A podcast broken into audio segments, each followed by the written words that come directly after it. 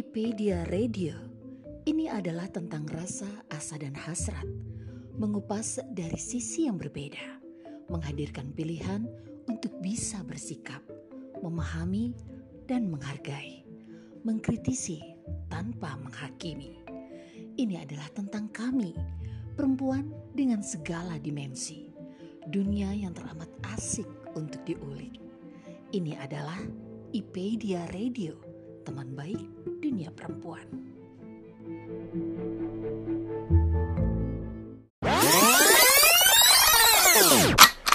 Waduh, pertanyaannya ini dalam banget. Ya terakhir itu pas pas dia pasang ventilator nih itu terakhir. Kalau saya sih suka nulis itu sebenarnya sejak kecil. Uh, saya mau order buat ulang tahun uh, ibunda Bapak Jokowi Februari yang kemarin itu. Itu juga yang dibilang sama ibuku. Hanya orang-orang terpilih yang bisa menjadi suami MS. Serius masih ya. di Rusia berarti tas tas itu? Iya betul. Kok Bu Mauri nekat-nekatnya sih bikin komunitas? Mereka berbagi tentang dirinya, tentang dunianya. Perempuan-perempuan keren yang penuh inspirasi. Ikuti obrolan seru mereka hanya di Kata Hati, IPedia Radio, teman baik dunia perempuan. Teman baik IPedia Radio, bertemu kembali di program Kata Hati. Kali ini bersama saya, Reni Handayani.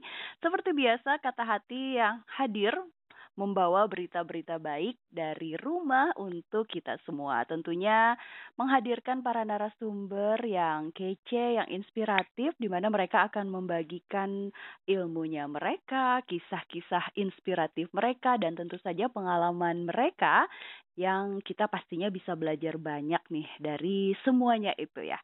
Seperti narasumber kita pada kali ini yaitu Mbak Wah ini harus pelan-pelan bacanya namanya agak panjang ya teman baik semuanya. Mbak Adia Utami Larasati Sucipto Sarjana Ekonomi. Ye, lulus ya Mbak Adia baca namanya ya. Alhamdulillah. Halo Mbak Adia, apa kabarnya? Halo Mbak Reni, Alhamdulillah kabar baik. Alhamdulillah. Dari sekian panjang nama ini aku panggilnya siapa nih enaknya nih? Adia kah, Utami kah, Mbak Laras kah?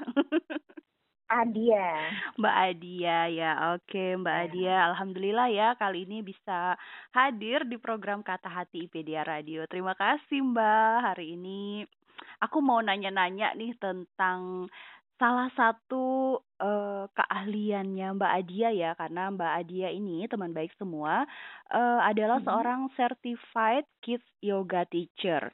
Nah, mungkin yeah. teman baik ada nih yang kayak aku atau cuman aku kali ya yang baru tahu ternyata yoga itu ada juga untuk anak. Entah ini aku yang kudet banget atau memang atau memang yoga anak ini baru gitu ya di Indonesia. Nah, langsung aja ya kita tanya-tanya sama Mbak Adia.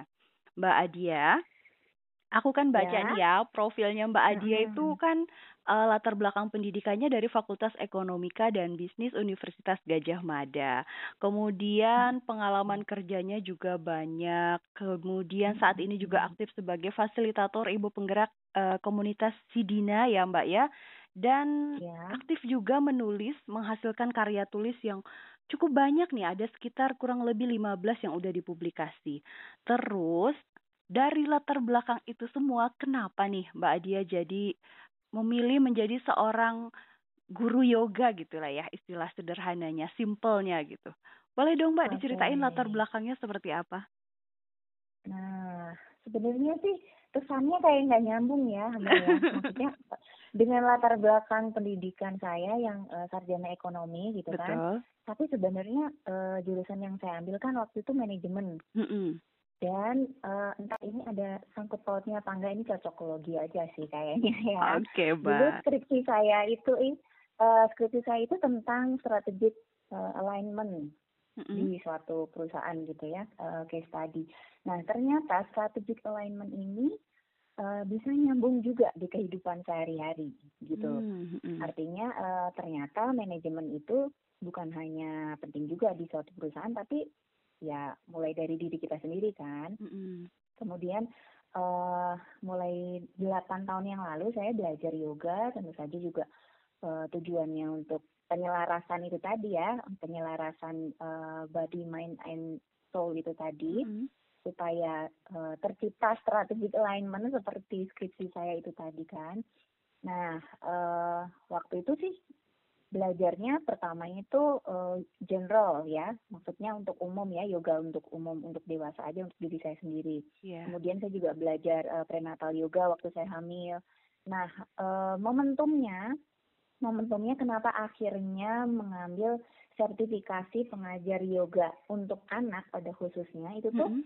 karena uh, sekitar empat tahun yang lalu ya awal-awal uh, Juli itu momentumnya itu anak-anakku itu diminta oleh kepala sekolah TK-nya untuk tes tumbuh kembang. Hmm. Jadi waktu itu aku bawa mereka ke klinik tumbuh kembang anak, diperiksa oleh psikolog, eh, terapis, dan dokter.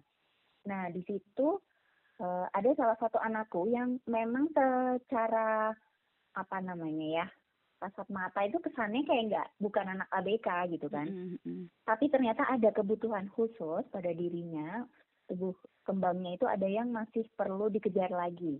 Mm. Uh, waktu itu sih lebih spesifiknya dia perlu terapi sensori integrasi.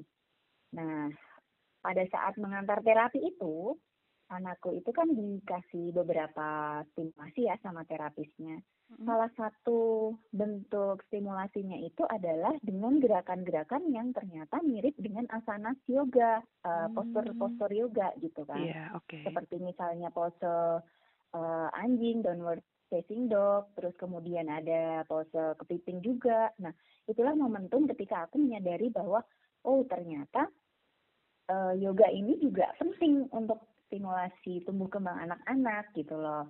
Awalnya memang niatnya ya at least buat anak-anakku sendiri ini bagus ya kan. Hmm. Masa selama ini aku belajar yoga uh, yang dapat manfaatnya aku aja gitu kan. Kemudian dengan mengambil sertifikasi itu harapannya juga anak-anakku bisa aku ajar sendiri uh, kids yoga itu tadi. Dan kemudian karena sudah mendapat sertifikasi, saya kemudian juga mengajar anak-anak lainnya gitu Mbak Reni awal mulanya kenapa pada akhirnya tertarik okay. ya kalau yang ngajar uh. uh, yang yang ngajar yoga untuk orang dewasa kan udah banyak banget mm -hmm, ya mm, betul betul padahal namanya menumbuhkan kecintaan pada olahraga itu kan sebaiknya ya sejak sejak usia dini. juga, gitu oh betul sejak betul. usia dini. karena kalau udah telat ya kayak aku nih mbak usia udah hampir kepala empat baru kenal olahraga gitu ya. Ya Allah itu memulainya susah banget.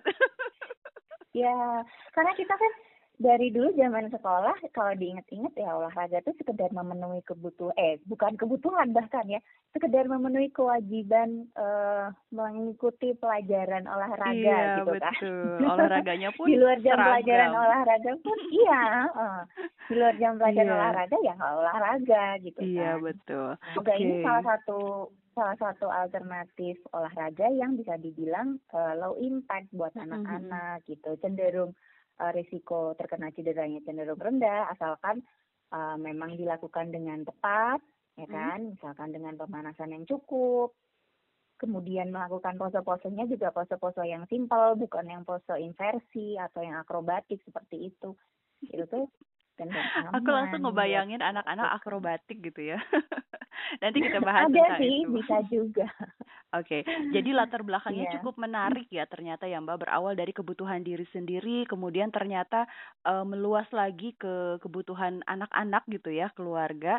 Jadi hmm. uh, Mbak Adia juga memutuskan mungkin akan lebih bermanfaat lagi kalau bisa dirasakan oleh orang yang lebih banyak gitu ya khususnya anak-anak seperti itu. Iya betul. Oh, luar biasa nih.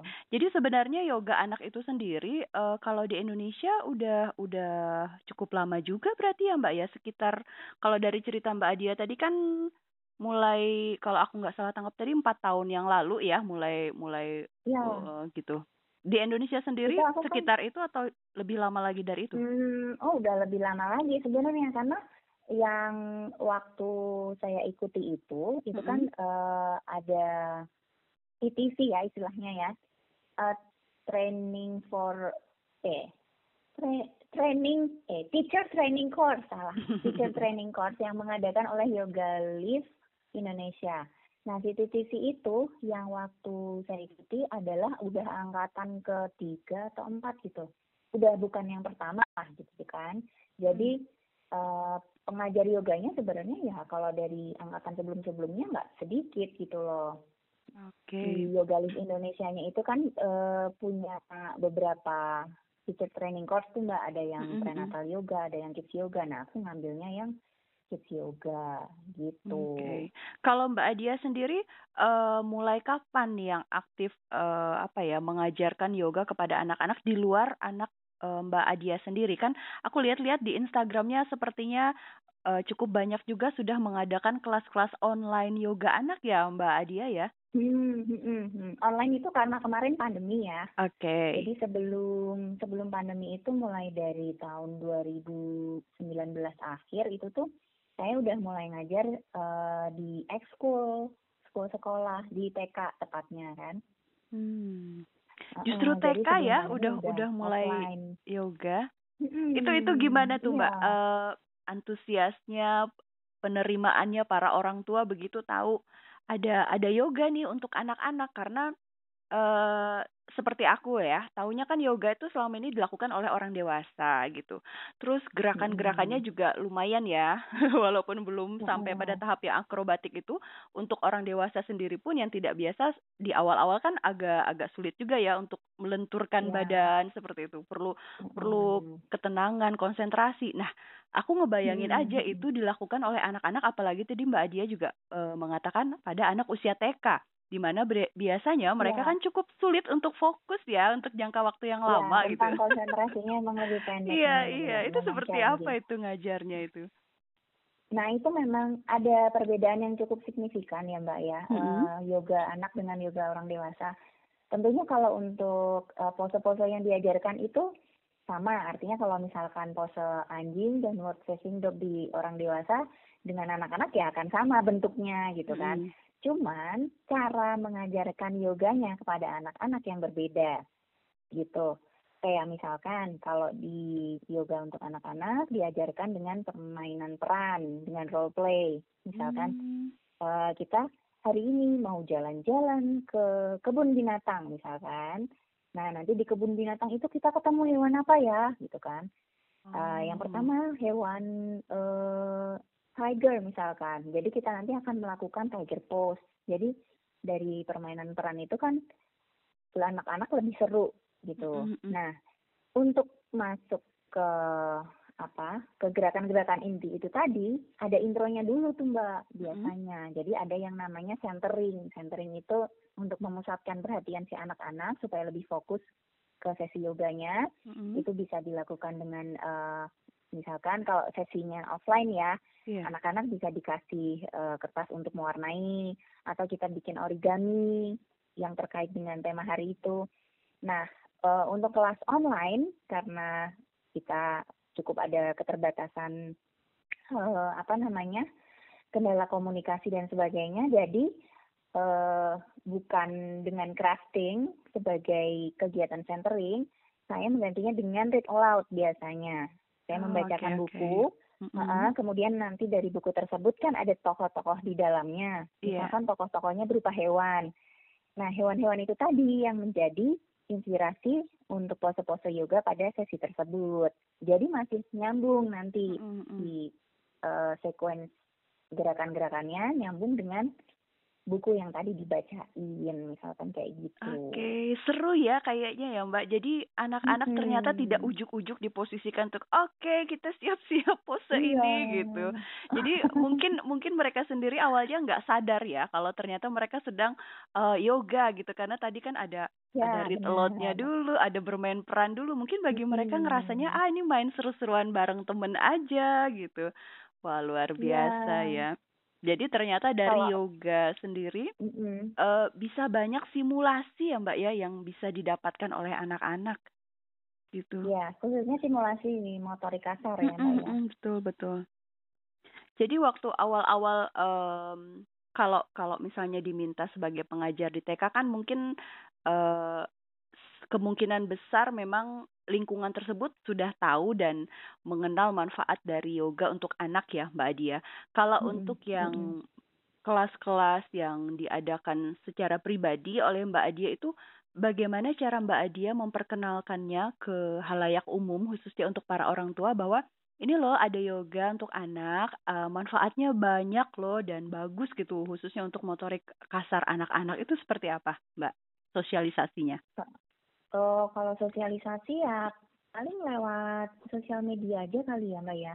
Hmm. Terus hmm, kalau hmm. untuk mengadakan kelas sendiri secara offline sih saya belum. Jadi mm-hmm. waktu itu setelah ngajar di TK, kemudian pandemi, nah setelah itu belum bikin kelas uh, apa namanya offline lagi ya? Bisa gitu ya, mm-hmm. offline gitu belum sih. Jadi okay. memang belum belum banyak saya menyadari memang belum banyak sosialisasi juga mengenai pentingnya yoga anak ini kecuali dengan uh, misalkan uh, kolaborasi di IG live gitu kan atau uh, ada misi di webinar paling kayak gitu aja sosialisasinya ke orang tua dan okay. uh, ada beberapa kolaborasi dengan komunitas kayak kemarin itu uh, teman Manise di Ambon gitu mm -hmm. kan karena kelasnya online jadi mereka bisa mengajak teman-teman di Ambon buat uh, mengikuti kids yoga gitu. Oke, okay.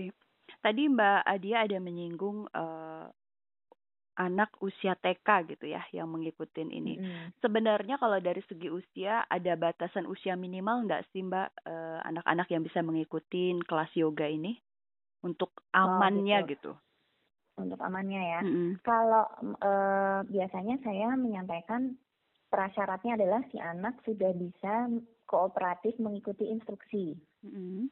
Gitu. Jadi kan uh, ada anak yang misalkan umurnya sudah lima tahun tapi karena ada uh, kendala di tumbuh kembang dia kurang bisa mengikuti instruksi dengan kooperatif misalkan ya berarti dia belum bisa mengikuti kelas saya gitu tapi ada anak yang misalkan uh, baru umur tiga setengah tahun atau empat tahun tapi uh, dia sudah cukup bisa duduk tenang dan mengikuti arahan nah itu bisa gitu jadi patokannya yang pertama adalah dia sudah cukup kooperatif untuk mengikuti instruksi.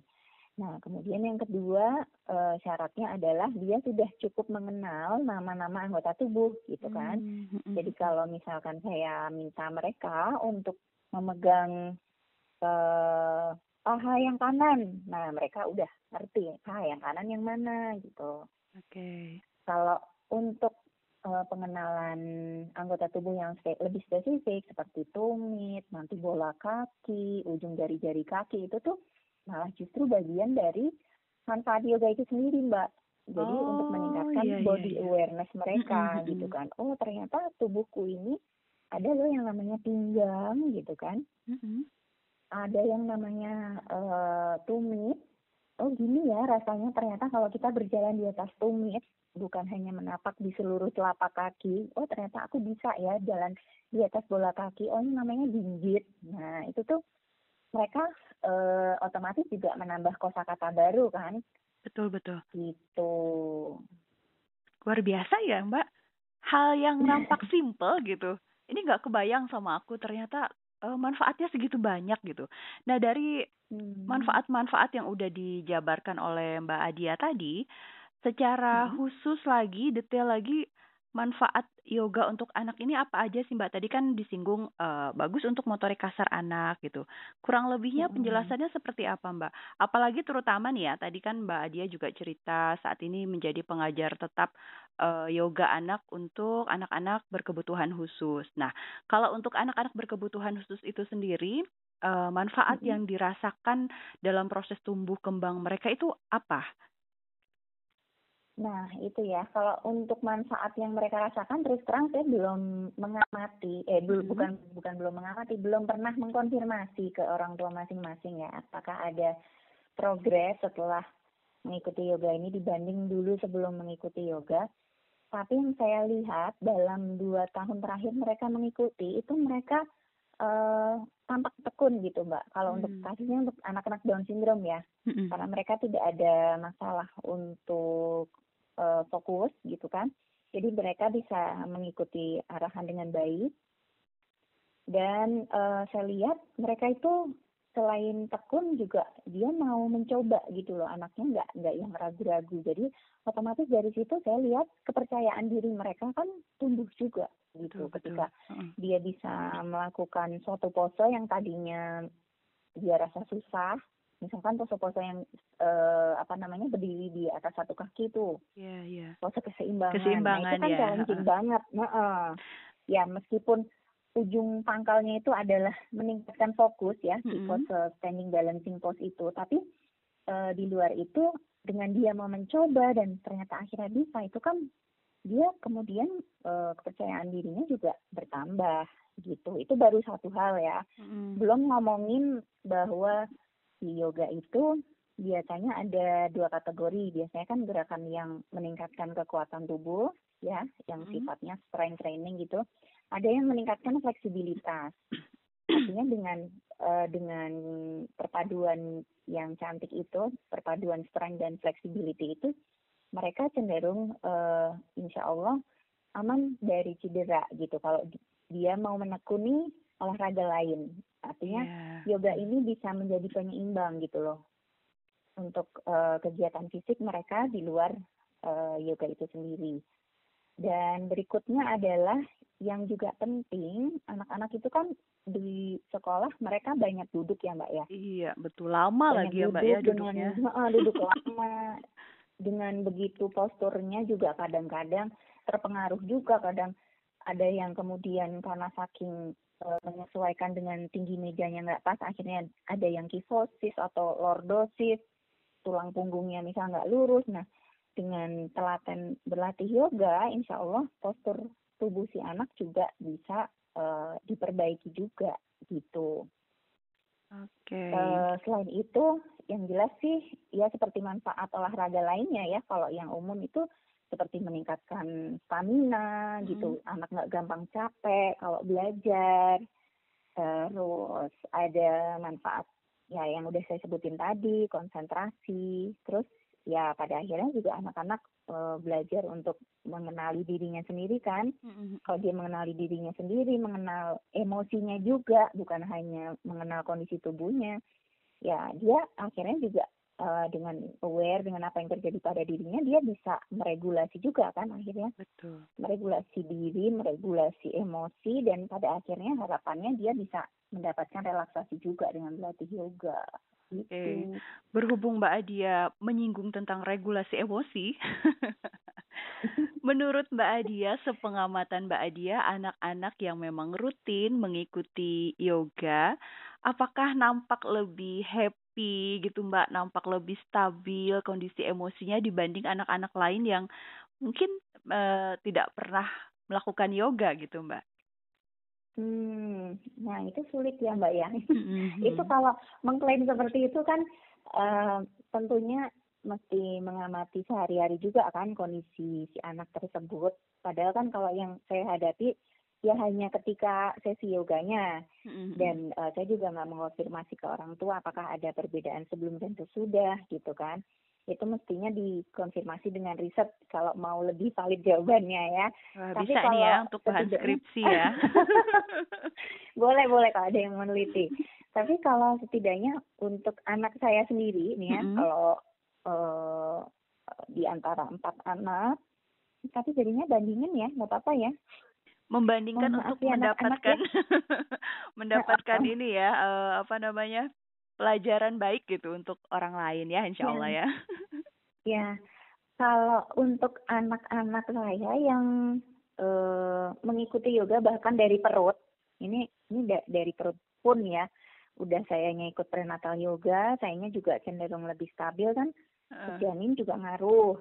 Nah, iya, kemudian ketika ketika mereka udah lahir dan uh, mengikuti saya berlatih yoga sehari-hari, itu kan juga kelihatan anaknya yang terutama yang bungsu sih, hmm. terutama yang bungsu yang paling sering ikut latihan. Itu memang cenderung lebih regulasi emosinya lebih baik gitu, lebih jarang nangis juga. Artinya kalaupun misalnya menangis, dia eh, paling cepat untuk menenangkan diri gitu kan. Menenangkan gitu. diri sendiri ya Mbak ya, bukan ditenangkan iya, justru ya? Loh, tapi tetap aja lah ada andil orang tua yang menenangkan. tapi setidaknya nggak sampai tantrum gitu kali ya. Enggak, paling paling jarang tantrum kalau anak Wah, luar biasa. Ini kayaknya ibu-ibu yang sedang hamil langsung nih, wah keidean. Sepertinya aku harus habis ini ikutan yoga nih gitu ya. Untuk membiasakan anak tenang sejak dalam perut gitu. Cita-cita banyak Soalnya ibu kan. nular kan. Iya, betul betul. Mbak Adia, ternyata udah hampir 30 menit aja ya. Kalau udah ngomongin hal-hal yang menarik itu kayak gitu, tahu-tahu udah mau selesai aja. Di obrolan kita kali ini saya banyak banget belajar. Uh, ternyata yang pertama saya kudet gitu ya. Ketinggalan berita banget ternyata di Indonesia udah cukup lama ada yoga anak dan yoga anak ini manfaatnya banyak banget gitu untuk anak-anak bahkan untuk anak-anak yang sedang uh, perlu support lain gitu ya untuk uh, tumbuh kembangnya, untuk anak-anak Down syndrome gitu. Uh, ada tips nggak sih Mbak atau apa ya motivasi atau closing statement deh untuk para orang tua nih setidaknya kan kalau orang tuanya nggak hobi olahraga atau sedang berusaha hobi untuk olahraga setidaknya bisa mempersiapkan anak-anaknya generasi berikutnya gitu kan ya untuk tumbuh menjadi anak-anak yang uh, bugar sejak dini, mencintai hmm. olahraga, mencintai kesehatan seperti itu, Mbak Adia, silahkan. Nah, ya kalau menurut saya sih children sih children do ya, artinya mm -hmm. uh, kita sebagai orang tua memang tantangannya adalah memberi contoh baik kepada anak-anak, termasuk dalam mem, uh, menciptakan healthy lifestyle di rumah gitu kan. Betul. kalau uh, orang tua memberi contoh untuk makan yang baik di meja makan, makan bersama uh, dengan gizi yang seimbang, anak-anak juga akan makin lama makin uh, mengikuti juga kan orang tuanya makan apa. Nah begitu pula juga dengan olahraga, kalau uh, orang tuanya membiasakan untuk tidaknya orang tuanya sendiri itu juga olahraga gitu, bukan hanya olahraga cuman buat nemenin anaknya itu kan beda ya. Iya iya. Nah, dari situ anak-anak bisa mencontoh bahwa ternyata uh, olahraga itu adalah bagian dari kehidupan rutin sehari-hari gitu, bukan hanya uh, kegiatan yang insidentil gitu. Hmm. Dan dan ternyata olahraga juga nggak harus langsung dilakukan yang berupa uh, ini ya kegiatan-kegiatan berat ya mbak ya kayak lari ya. atau apa gitu kan anak udah capek dulu karena kan selama ini yang umum biasanya uh, orang tua mengikutkan anak-anaknya renang seperti itu berkuda ya, panahan ya, kan cukup berat tapi, ya tapi ya tapi itu manfaatnya sendiri sendiri juga sih mbak sebenarnya iya betul kan? mm -mm, betul sekali hmm. nah tapi mbak dia dengan dengan ya, adanya gimana? yoga ini anak-anak mm -hmm. nanti kalaupun dia mengikuti olahraga jenis lainnya mm-hmm. itu dengan adanya pondasi uh, gerakan-gerakan yoga itu insya Allah bagus banget buat dia membiasakan diri untuk pemanasan dan pendinginan sebelum olahraga yang itu sebenarnya sangat penting untuk mencegah cedera apa pun olahraga dia gitu Betul. dan uh, dan apa yoga ini banyak sekali gerakan yang uh, merupakan pemanasan dan pendinginan untuk yang bisa diaplikasikan untuk cabang olahraga, lain apa pun ya. lainnya gitu. Jadi nanti waktu olahraga yang lain nggak ada lagi drama-drama otot ketarik gitu ya Mbak ya? Nah, Kayak aku itu. Iya. Akibat kurang fleksibel badannya, kurang pemanasan. Oke Mbak ya. Dia, mungkin teman hmm. baik yang sedang mendengarkan obrolan kita ini penasaran nih, pengen tahu lebih jauh tentang kegiatan Mbak Adia dalam uh, menjadi teacher, menjadi pengajar, trainernya yoga anak, kira-kira di mana nih teman baik bisa kepoin aktivitasnya Mbak Adia okay. nih? Aktivitas saya yang sebetulnya ya tidak ada yang istimewa. Bisa diikuti di Instagram at adia.larasati.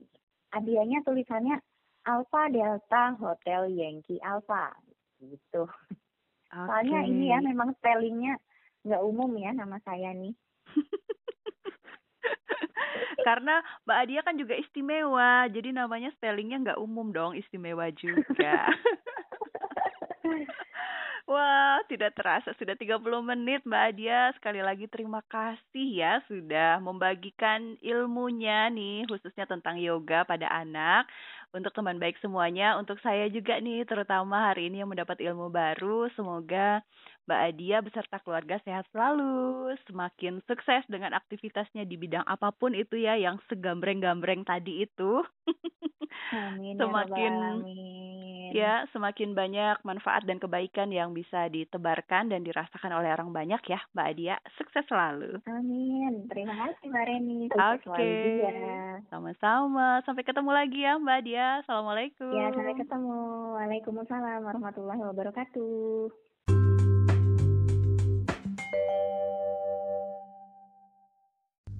Terima kasih telah mendengarkan episode kali ini. Tetap stay tune di IPedia Radio, teman baik dunia perempuan.